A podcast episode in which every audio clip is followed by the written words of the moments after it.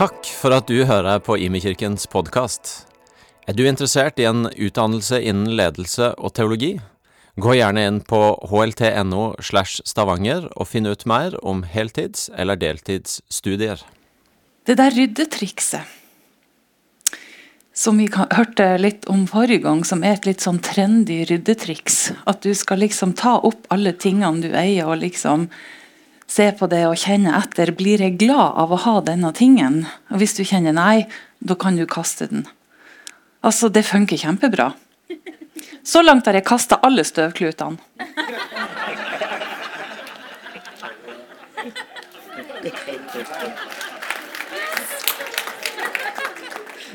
Jeg ser på Anne Lunde, det ville hun aldri ha gjort.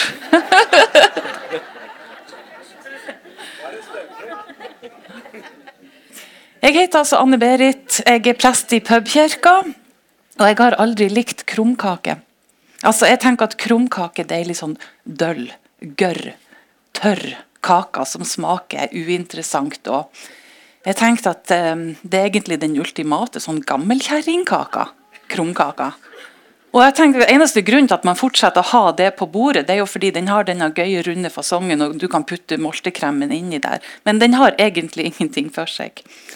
Men så, i høst, så fylte jeg 50 år. Og omtrent på dagen når jeg fylte 50 år, så kjente jeg bare Å, Gud, jeg har lyst på krumkaker.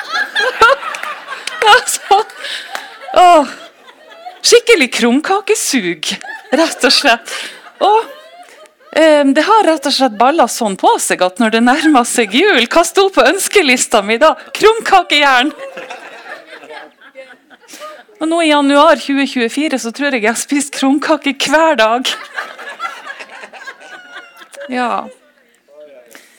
Så man forandrer seg når man blir eldre. Ja. Og Før så var det jo mer sånn at jeg foretrakk smågodt og brownies. Og nå, som 50-åring, krumkake. Bare må ha det. Og så er det det veldig forskjellig. Mange andre ting er jo også veldig annerledes når man blir litt eldre. Men så det er en ting som er nøyaktig som før, og det er jo dette at jeg hele tida går og har lyst på noe. Altså Flere ganger for dag har jeg lyst på noe som smaker godt. Krumkake eller annet. Og så har jeg lyst på utrolig mange, hvis jeg ser en fine ting. Klær, høyhælte sko som jeg egentlig ikke kan gå i, for jeg har hoftefeil. Har alltid lyst på det. Og så har jeg lyst på alt som ser litt praktisk ut, eller ting som andre folk har. Eller ja, jeg har lyst på noe hele tida. Og dette forandrer seg ikke. Det er det samme før og etter fylte 50. Man har alltid lyst på noe. Og Det handler om at man er menneske av kjøtt og blod. I Bibelen så nevnes det flere ganger dette med kjøttet. Alt som er knytta til kjøttet. En del av det er jo også vår hjerne, der vi begynner å tenke på ting vi får lyst på. Der er vårt hjerte, der vi kan føle sterkt for 'jeg vil ha det, jeg vil ha det'. Alle våre drifter som mennesker er knytta til kjøttet. Og det er vel og bra at vi har det. Det var meninga at vi skulle ha drifter og at vi skulle ha alt, hele pakka. Men så er det et syndefall som har gjort noe med dette kjøttet vårt. Bl.a. det at den nødvendige reguleringsmekanismen som skulle si at nok er nok, nå har du det du trenger, du trenger ikke mer, den er ødelagt. Så vi er blitt sånne mennesker som vil ha mye mer enn vi trenger. Det var innledninga. Vi har en frelser, og før frelseren vår kom, så var det profetert om hvordan han skulle være. Og det var sagt at vi skulle få en fattig frelser. Det står i Zakaria 9,9. Bryt ut i jubel, datter Sion. Rop av glede, datter Jerusalem. Se, din konge kommer til deg, rettferdig og rik på seier. Vel og bra så langt. En konge er rettferdig og rik på seier. Og så bikker det over. Fattig er han og rir på et esel på en eselfole. Litt krasj i forventningen der. Konge, rettferdig, rik på seier og fattig. Det ble sånn. Jesus ble født inn i en fattig familie med Josef og Maria. Og Det første vi ser til at de virkelig er fattige, det er jo det at de havner i en stall under fødselen. Det var fullt i Betlehem. Det var det.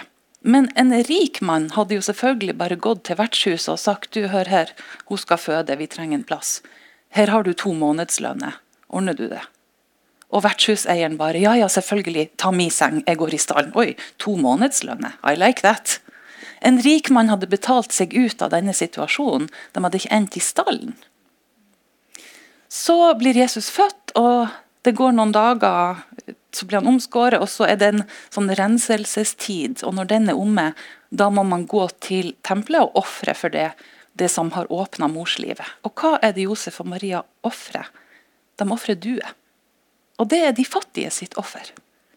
Rikfolk ville ha bydd på noe bedre enn som så men de ofrer due.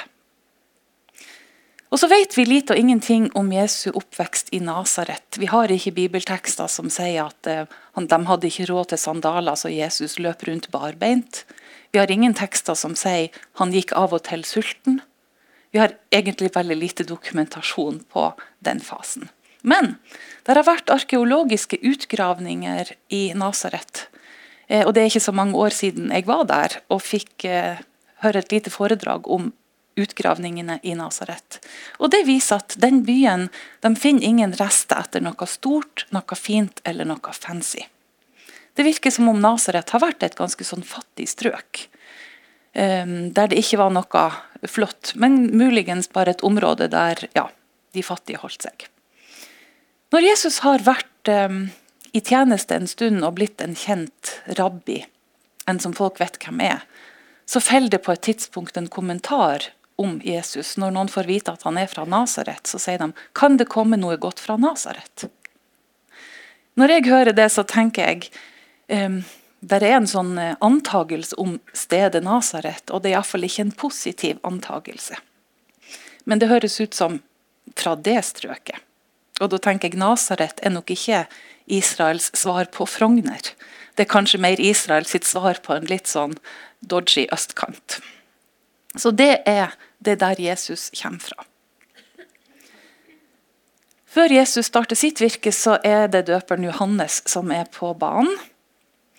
Eh, og Døperen Johannes forbereder folket på den nye tida som kommer nå. Han sier Guds rike har kommet nær. Vend om fra synd, start på nytt igjen. La dere døpe og så videre og så videre. Og så forteller han liksom om innholdet i hvordan denne nye tida skal se ut. Um, og folk spør Da er vi kommet til Lukas 3, 10-11. Folk spør ja, men hva skal vi da gjøre? Og så svarer Johannes. Den som har to kjortler, skal dele med den som ikke har noen. Og den som har mat, skal gjøre det samme. For et par uker siden så hadde vi besøk av Tanon fra um, Thailand. og Han hadde med disse versene i sin tale. Og Da påpeker Tanon at denne nye tida, når Jesus kommer og Guds rike har kommet nær, her trapper man opp givertjenesten. Det var tienden. Men når du skal gi én av to kjortler, så er det 50% Og da datt mi haka litt ned, det må jeg innrømme. Jeg tror at her er en eller jeg har lag, laga meg en sånn kjernesetning ut av dette. Med at den som har to kjortler, skal gi til den som ikke har. Altså når du har fått dekka dine egne materielle behov, da er neste steg at du begynner å dekke de andre sine.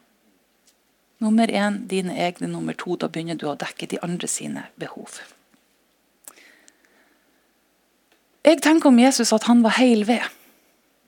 At det var en sammenheng mellom liv og lære, og at sånn som Jesus lærte bort, og sånn som Johannes hadde sagt sånn skal det være, det vil òg være det Jesus levde etter. Ergo Jesus hadde bare én kjortel. For hvis Jesus på et tidspunkt har hatt to kjortler, så har han jo gitt bort den ene til noen som ikke hadde. Og det var nok av fattigfolk rundt han. Der har alltid vært noen som har ville hatt en kjortel fra Jesus. Profetien den sa jo også at han skulle ri på et esel. La, la, bare dette synke inn. Det var det dårligste transportmiddelet. Det var det transportmiddelet som absolutt alle ville se ned på. Og Jeg har spurt eh, bileksperten Sveinung Lunde hva ville det tilsvare liksom, i vår tid, den dårligste kjerra. Og Da sier han polsk Fiat. Ja. Kunne vært Lada forskjellig, men polsk Fiat. Så dårlig var Jesus sitt transportmiddel. Legg òg merke til at Jesus valgte å aldri komme inn på boligmarkedet. Det er klart Han jobba med å reise rundt, Så det er upraktisk å ha en bolig, på en måte, men han, han eh, avsto fra det. Og hva er det man ikke har når man ikke har en bolig? Ja, da har du jo heller ikke klesskap. Så hvor skulle han gjort av kjortelsamlinga si, liksom? Det, det, henger sammen, alt sammen. På en plass så sier Jesus om seg sjøl at menneskesønnen har ikke noe å hvile hodet sitt på. Altså, han har ikke ei pute. Selvfølgelig har han ikke det, han har jo ikke interiør. Han bor jo ingen plasser. Det er veldig stor forskjell fra meg. Jeg telte opp i dag hvor mange puter jeg har, og det er 18. Jeg har 18. Ja. Det er Jesus som er forbildet, ikke jeg. Bare for å ha understreka det. Men dette livet som er Jesus sitt liv, det kan vi trygt kalle å forenkle. Det er så enkelt som det kan få blitt. Og jeg tenker, hva gjør det med oss at han som er vår frelser, vårt fremste forbilde, og han vi er kalt til å ligne på så mye vi bare kan, det er en mann som var fattig. Det var han med det verste kjøretøyet. Det var han uten bolig. Og det var han med bare én kjortel. Jeg tenker at Jesus han må òg ha meint at én kjortel var nok. Fordi Jesus er overhodet ingen tilhenger av å lide nød. Altså Tvert imot så bruker Jesus mye tid og energi på å lindre nød. Og Hver gang han møter noen som er i materiell nød, eller helsenød altså Jesus går inn og lindrer nød. De som er sulten, får mat av han. Så Jesus kan umulig ha meint at det å ha én kjortel er noen slags nødsituasjon. Jeg har lurt på det der, hvordan er det å ha bare én kjortel? Og dette at det var, det, det var sånn Jesus sin garderobe så ut, det gikk opp for meg sånn cirka ved årsskiftet dette året. Og så tenker jeg jeg, jeg har lyst til å finne ut hvordan det er å ha bare én kjortel. Og det er klart, jeg er jo en kvinne som har en kjortel, nemlig en prestekjole. Eh, så jeg kunne jo ha valgt å gå rundt i den da, og kjøre en fullskala Jesus-test på hvordan er det Men eh, dere har sikkert òg fått med dere at akkurat kjortel er litt ute av motebildet for tida. Det er jo faktisk kun prester på jobb og Odd Nerdrum som går i kjortel. Så jeg tenkte nei, det blir for sært. Jeg kan ikke gå rundt i den prestekjolen. Men jeg kan prøve å gjennomføre testen på en annen måte. Og det jeg valgte å gjøre, det var at fra 3. januar og fram til i dag, så har jeg gått i bare én genser. Denne genseren. Ja. Det var min test. Det vil si at tre dager i denne perioden så har jeg gått i skjorte i stedet for genser, så da gikk jeg ikke i den. To av dem var i presteskjorte. Og jeg kan òg opplyse dere om at jeg har ikke trent i denne, da tok jeg treningstøy. Så det er på en måte litt juks, ok, men jeg, jeg valgte det sånn. Ja. Um, og nå foreligger jo testresultatet. Etter å ha prøvd å gå i bare én genser siden 3. januar. Eh, og Testresultatet viser at det er faktisk null problem, sånn praktisk sett. Det var helt null problem. Jeg har, jeg har vært varm hele tida. Eh, jeg har valgt en genser som jeg har kjent meg veldig sånn passelig temperert. Den var fin for denne sesongen. Eh, det har òg vært ei reell forenkling fordi spørsmålet hva skal jeg ha på meg i dag, genseren? Hva skal jeg ha på meg i dag, genseren? Og i dag genseren. Det er virkelig Jeg har hatt så lite å tenke på. Svaret gir seg sjøl. Det er bestemt på forhånd. Det er den genseren. Så det har gått bra. Og eh, denne er tynn, praktisk tynn ull. Sånn at jeg kan vaske den på kvelden, og så er den tørr igjen neste morgen. Eh, eh hvis noen prøver å gjøre et lignende test, så vil jeg jo fraråde tjukk bomull eller Gud forby polyester. Du kommer til å lukte som en hest. Ikke gå for polyester. Ja.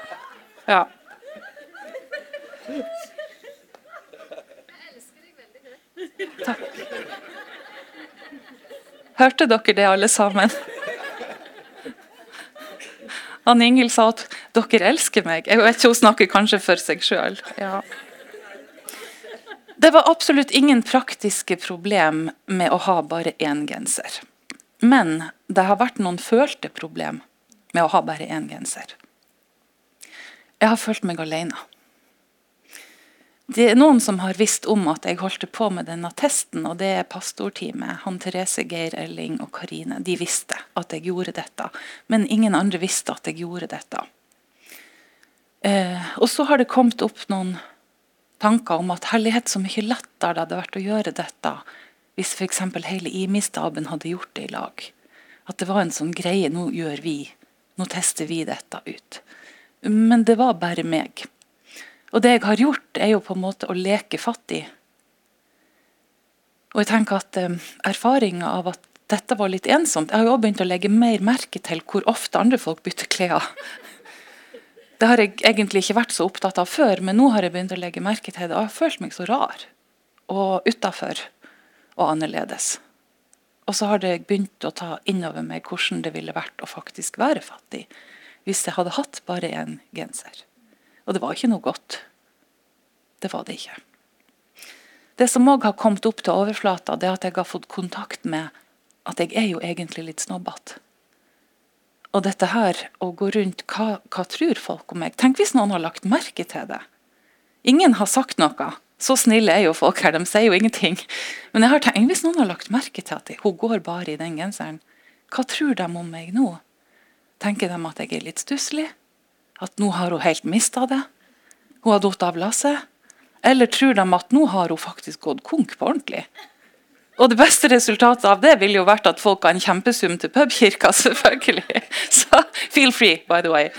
Um, men um, jeg har fått kontakt med min egen stolthet og kjent at dette koster meg noe i forhold til min stolthet, sjølpresentasjon, hvordan jeg har lyst å bli sett. Og at jeg har lyst til å bli sett som ei dame som ikke har gjort det helt av lasset sånn estetisk, men at jeg er måtelig med fortsatt. Um, og at jeg har lyst til at folk skal tenke at jeg er sånn måtelig OK kledd. Og jeg har ikke lyst til å bli oppfatta som stusslig. Ja, så det, Jeg har fått kontakt med noen ting som bare flyter opp etter hvert. Og et par dager så har jeg kjent at jeg er så møkka lei jeg er så møkkalei denne genseren. Og så har jeg bedt kjære Gud, hjelp meg sånn at jeg føler meg fin i genseren min. Og det har han gjort. Merkelig nok, når jeg var møkkalei og tenkte jeg vil ikke se dette plagget mer, så har jeg liksom gått ut og Nei, jeg føler meg faktisk fin. Takk, Gud. Også det kunne du hjelpe med.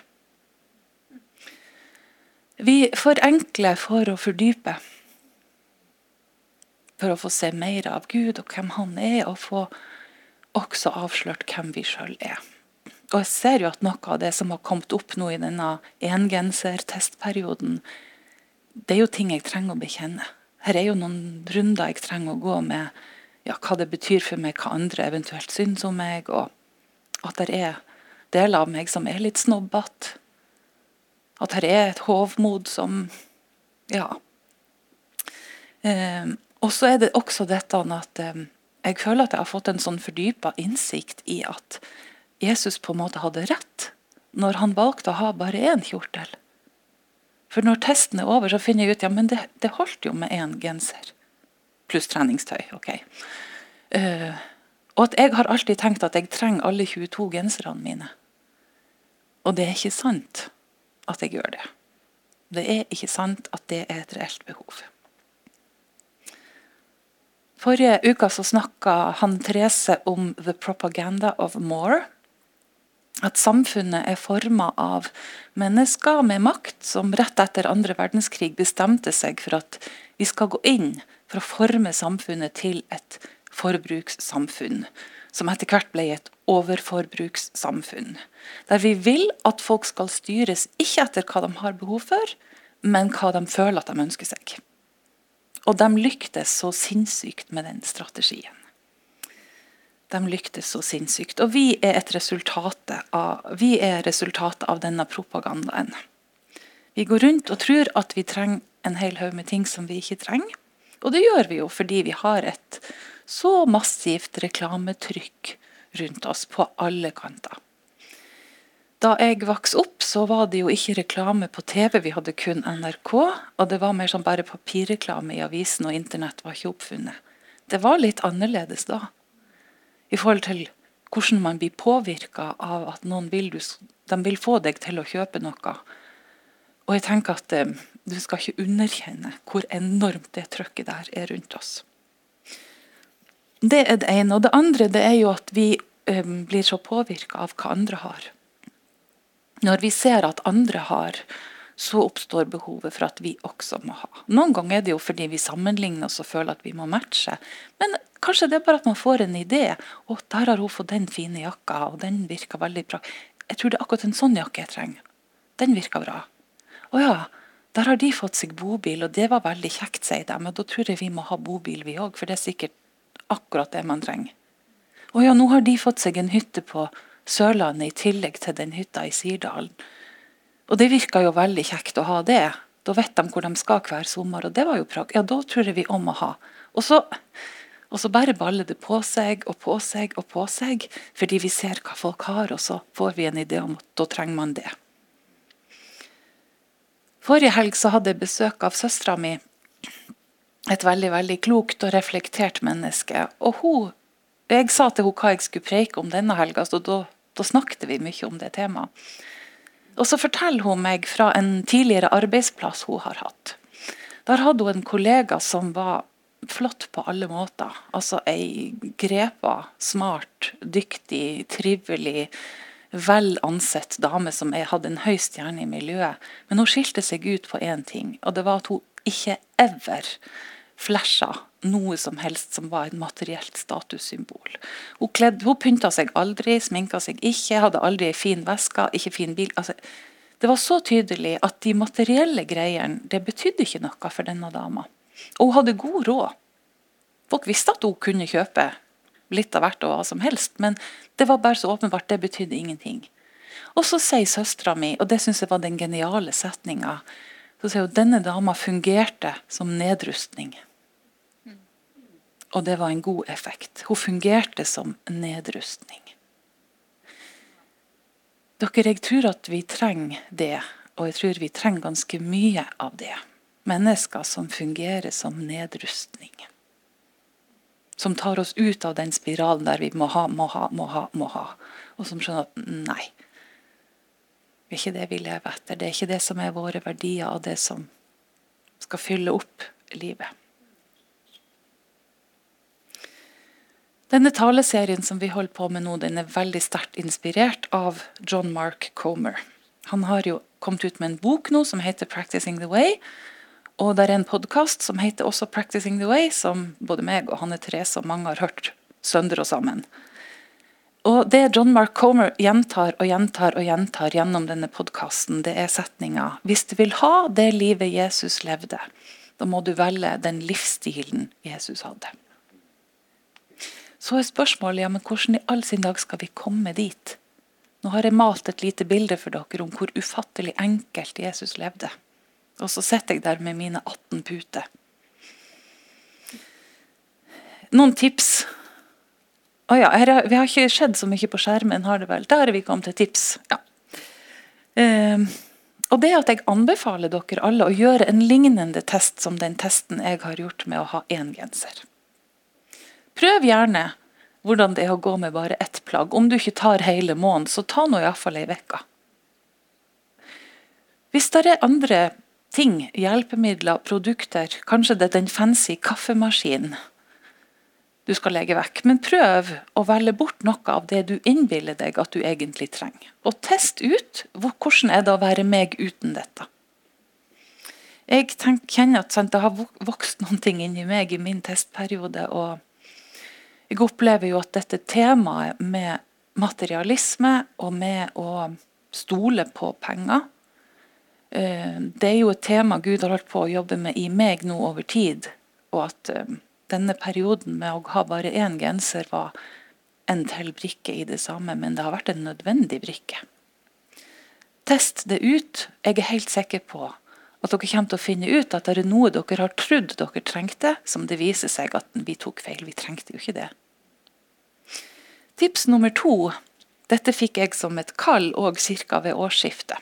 At Gud sa til meg Anne Berit, alt det du ønsker deg, helt fint, men skriv alt inn på ei ønskeliste.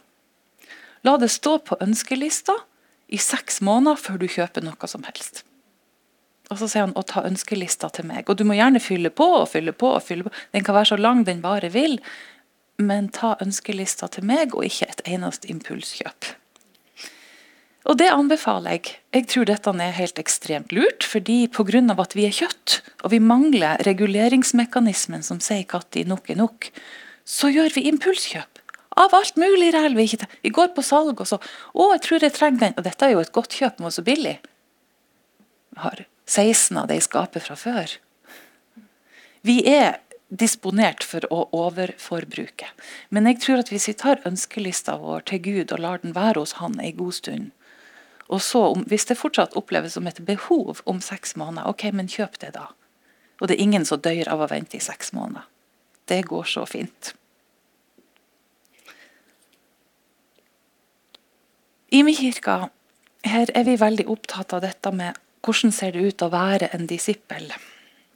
Og det syns jeg er et godt fokus. Veldig viktig fokus. At vi vet at det er disipler vi er. Legg merke til at disiplene til Jesus går inn i akkurat den samme livsstilen som han gjør. De forlater garn de forlater tollboden, de forlater det som var inntektsbringende arbeid og materiell trygghet. Og så går de inn sammen med Jesus i Jesus sin livsstil. Det vil si, velkommen til å være min disippel. Her har du én kjortel, og du har ingen pute. Du har ikke intervjuer. Så er spørsmålet, når Jesus kaller dem til noe som er såpass radikalt, hva fikk det dem til å føle? Spørsmålet er jo opplevde de seg fattig, eller opplevde de seg rik sammen med Jesus i denne livsstilen? Har disiplene sittet og tenkt stakkars meg som er nødt til å leve dette harde og ukomfortable livet? Eller har disiplene tenkt heldige meg som får lov å ta del i denne rikdommen? Jeg tror det er siste. Jeg tror de har opplevd seg rik, og jeg tror de har tenkt om seg sjøl heldige meg jeg er en av de utvalgte som får være med i dette her sammen med Jesus. Grunnen til at jeg eh, holder meg til den teorien, det er jo at de blir faktisk værende. Også etter himmelfarten, når Jesus er borte, så bare fortsetter de disippellivet, og de gjør det til de dør. Hele gjengen. De forblir disipler, og de forblir det sånn som Jesus har lært dem å være det. Det er noen ting som kanskje ser hardt og tøft ut sett fra utsida med dette veldig forenkla livet, men jeg tror erfaringa med å leve det er helt annerledes. Jeg tror det erfares som rikdom. Og jeg tror at eh, den ene faktoren som gjør at de opplever det veldig godt, det er frihet. Frihet, faktisk. Verden vil alltid si til oss at penger er makt. Penger er makt, og penger gir frihet, for da kan du gå og kjøpe hva du vil. Og det hører vi som altså hvis du har mer penger, jo da har du mer makt, og har du mer penger, da har du mer frihet i livet. Dere, Jesus sine formuleringer om penger og makt, de er helt motsatt. De er 100% snudd på hodet. Fordi det Jesus har å si, det er nemlig at um, penger har makt. Det er pengene som har makt over oss. Vi får ikke makt av penger, pengene har makt over oss. Og pengene har så stor makt over oss at de gjør oss til slaver. Der er ingen frihet. Pengene får funksjon som en avgud. Vi dyrker dem, vi stoler på dem, og vi retter fokuset mot dem. Og jeg tror at Hvis ikke det var for at penger faktisk har den funksjonen, eller rettere sagt, kjærligheten til penger har den funksjonen, da hadde jo ikke det vært noe å advare mot. Da var det helt unødvendig å advare mot pengene. Fordi da var de bare et nøytralt middel til det gode. Men de er ikke det. De er ikke det. Dette forenkler disippellivet, da man slipper taket i mye av det som er materielt, det er det som gir en reell frihet. Det andre som gjør at jeg tror at disiplene må ha opplevd seg veldig rik i sitt forenkla liv, faktisk søkkrik, det er at de fikk så stor åndelig kapital. Ifølge Bibelen så er åndelig kapital den eneste kapitalen som virkelig stiller vår tørst og vår sult og vår lengsel, sånn at vi faktisk er tilfredsstilt tvers igjennom sånn at det varer. Det kan materielle ting aldri gjøre for oss. På et tidspunkt så var Rockefeller verdens rikeste mann. Han ble spurt av en journalist hvor mye penger er nok. Og da svarer han just a little bit more. Just a little bit more. Det blir jo aldri nok. Har dere noen gang hørt om en mangemillionær eller en milliardær som sier at nå, nå vil jeg ikke ha mer? Det blir jo åpenbart aldri nok. Til slutt må du flytte til Sveits. Det er for dyrt. Mm. Jeg, skal jeg, skal, begynne å slutte, som man sier her på huset. Jeg skal slutte med um, siste triks, og så skal jeg fortelle en liten historie knytta til trikset. Uh, jeg har faktisk på et uh, tidspunkt i mitt liv vært den aller rikeste i menigheten. Tro det eller ei. Jeg har vært på statens lønnsregulativ alltid, men på et tidspunkt var jeg den rikeste. Og det var når jeg bodde i Oslo, så var jeg med å plante menigheter som heter IMI Oslo. Som var litt, sånn, litt forut for IMI-kollektivet. Eh, og jeg regner med at mange av dere kjenner Eirik og Nora, som var sendt ut som menighetsplantere. og De er unge, de er mye yngre enn meg. Og de andre som ble med i IMI Oslo, var enda yngre enn dem igjen. Så De var jo studenter, og noen få av dem hadde akkurat begynt så bitte lite grann i arbeidslivet. Men de tjente så godt som ingenting, så jeg var den rikeste i menigheten. Og eh, hele menighetens bilpark besto av én bil, nemlig min bil. Og hele menighetens eiendomsmasse besto av ei leilighet, nemlig min leilighet. Og det var alt menigheten eide. Det var for øvrig en ufattelig stygg bil. Jeg hadde kjøpt den eh, brukt etter en gammel gubbe på Finnmarkskysten, og den bilen lukta litt sånn gammel finnmarksgubbe. Så, seriøst, jeg tror han har brukt den til å frakte fisk. Det var sånn, gikk han. Ja. Og så har jo gubben i sin rike visdom Dette var en mørkegrønn Opel Astra. Der det var kommet ei skramme, så har han da klaska svartlakk over på den grønne bilen. Og så har den stått parkert ute i gata, og der har jo noen unger med litt hærverkstrang vært og skrapa og herja med Ja, så den var full av skrape. Og problem fire er at jeg har ganske lav trafikal intelligens sjøl. Det medfører at jeg bulker Danavan, og jeg hadde også bulka denne bilen. Så den, den var jo en estetisk katastrofe. Men bilen min fikk jeg veldig klar beskjed fra Gud om at det, dette er en fellesskapsbil. Du skal betale forsikringer og du skal betale årsavgift og driften, liksom, men den er for fellesskapet.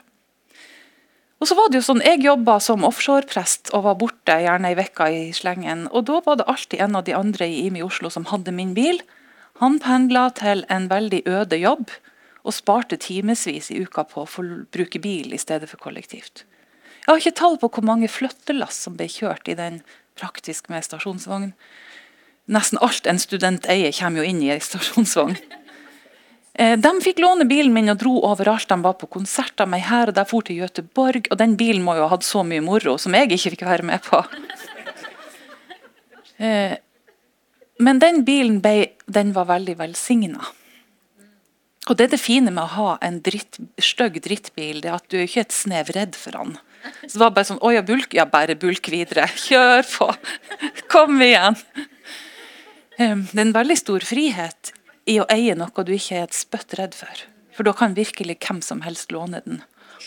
Og så sier Gud noen ting kjempetydelig til meg underveis i denne tida, når det gjaldt denne bilen. Og da sier Gud at eh, Anne-Berit, du skal aldri regne verdien av en gjenstand ut fra hva du betalte for å få den. Og du skal aldri regne verdien av en gjenstand ut fra hva du kan selge den for. For den eneste verdien en gjenstand har, det er hvor stor velsignelse kommer ut av han. Hvor mange er det som blir velsigna av at du har denne? Og det er den eneste ekte verdien på en ting. Og det har jeg valgt å fortsette å tenke om det jeg eier. At det eneste reelle verdien er hvor mange kan bli velsigna av at jeg har dette. Og jeg tror at Mye viktigere enn at vi gjør som Marie Kondo og tar opp en ting og ser på den og kjenner Does it give me a spark? Altså Blir jeg glad av denne, og så enten beholde eller kaste? Så tror jeg det er mye viktigere at vi tar opp tingene våre unna for unna, og så spør vi Gud hvem kan bli velsigna av denne. Er det noen som trenger denne? Og ikke bare de stygge, gamle tingene du er lei av sjøl. Ta fram de fine tingene. Ta fram det nyeste plagget i garderoben din og spør er det noen som kan låne denne og bli velsigna av at jeg har denne. Hvis du har ei hytte, så kan den gå dramatisk opp i verdi hvis du låner den ut til noen som ikke har råd til hytta sjøl. Hvis du har en bil, så kan den gå dramatisk opp i verdi ved at du velsigner noen med å få låne bilen din. Og har du et hus eller noe annet, whatever, den kan gå dramatisk opp i verdi ved at du spør Gud hvem kan bli velsigna av at jeg har dette. Hvem kan få det, eller låne det, eller dele det med meg? Og vet dere hva Vi kan få ned forbruket på den måten. Hvis vi deler på ting. Alle vi har kapital. Vi har vår materielle kapital. Litt variabelt nøyaktig hvor stor han er, men alle vi har en materiell kapital. Og siden vi er norsk, så er den stor i verdens målestokk. Vi har òg en intellektuell kapital. Består av det vi kan og vet og ja, dyktighet. Vi har en kulturell kapital. Eh, og jeg tenker at eh, På alle måter så driver vi jo og byr på det vi har av kapital. Vi viser det. Det tyter ut hva vi har. Materielt, intellektuelt og kulturelt. Jeg tror at um, det enkle livet er en effektiv måte å øke vår åndelige kapital, sånn at den blir den største. Hvis vi har en stor, stor åndelig kapital som tyter ut av våre liv, og at folk ser at det, det er det som er den største kapitalen deres, så tenker jeg at vi kan være med og sette veldig mange mennesker fri. Hvis den materielle kapitalen er den største vi har, og at det er det som vises best, så vil vi være med å binde andre i begjæret etter stadig flere ting fordi vi har dem.